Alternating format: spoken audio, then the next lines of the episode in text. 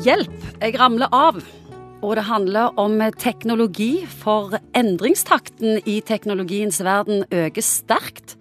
Før de hadde lært noe, hadde vi det med oss resten av livet. Nå forandrer teknologien seg så fort at om bare få år er kunnskapen utdatert, og du sitter igjen der i mørket om du ikke henger med. Psykolog Egon Hagen, hvorfor liker de fleste av oss endring så lite?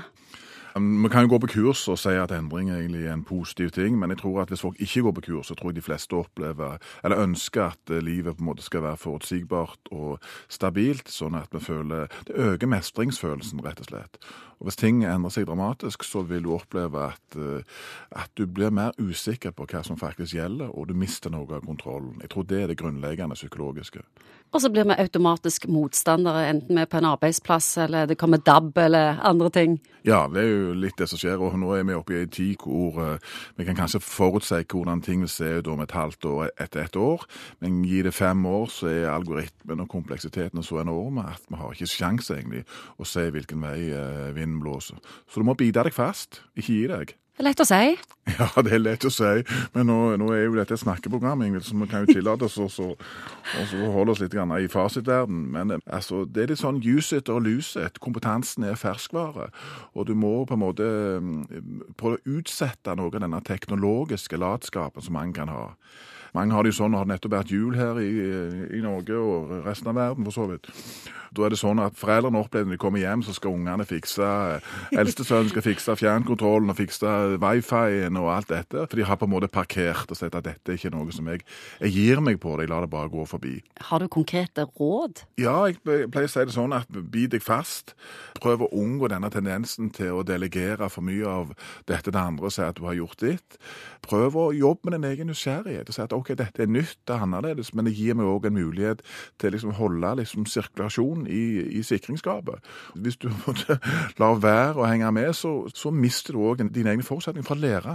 Læringsevnen vår var mye bedre når vi var 20 enn når vi er 75, men du kan fortsatt lære. Men det forutsetter at du ikke langtidsparkerer. Meg og deg har en podkast òg med. Hvor mange lyttere over 60 tror du vi har på podkast? Ja, Det er jeg usikker på, men jeg vil tippe at eh, hvis de, mange må trenger sikkert litt hjelp rett og slett for å laste ned den podkast. Det er òg en litt overgang, tror jeg. Det er jo veldig enkelt. Teknologien har gjort at disse brukergrensesnittene er mye mye enklere kanskje enn det mange er klar over. Og så lurer jeg på dette med kjønn. Eh, altså, Er det forskjell på kjønn når det gjelder å dabbe av og slutte å henge med i teknologiens verden? Sånn Tradisjonelt sett så har det kanskje vært sånn at uh, far er litt mer opptatt av du, duppedingser enn det kanskje mor er.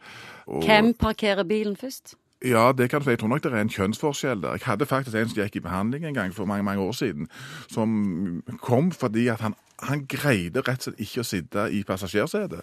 Hvis han satt i passasjersetet, så følte han at hele maskuliniteten forsvant ut vinduet.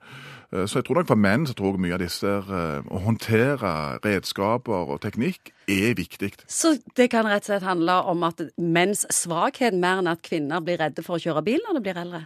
Ja, jeg tror at dere utfyller med hverandre uten at vi trenger liksom å sette merkelapp verken på det ene eller det andre kjønnet. Men hvis du ser, det, ser på trafikken, så er det nok en hovedsak uh, menn som kjører når mor og far er ute og, og, kjører sammen. Jeg tror det er noe med redskaper. Jeg tror menn har en fascinasjon for redskaper, kjøretøy og alt dette. Jeg merker jeg kan være med fruen av og til mm, under helt spesielle vilkår og handle. Og da er jeg litt fornøyd hvis jeg får lov å holde på med denne handlevogna. Liksom håndtere den. Så vi er kanskje noen enkle, enkle skapninger, noen enhver før. Hvor lenge skal vi bite oss fast rent teknologisk? Når har vi lov til å gi beng og la verden seile sin egen sjø? Men Så lenge det er en viljesak, og så lenge det handler om uh, guts og ville henge med, så syns jeg at du skal bite deg fast så lenge som du overhodet kan.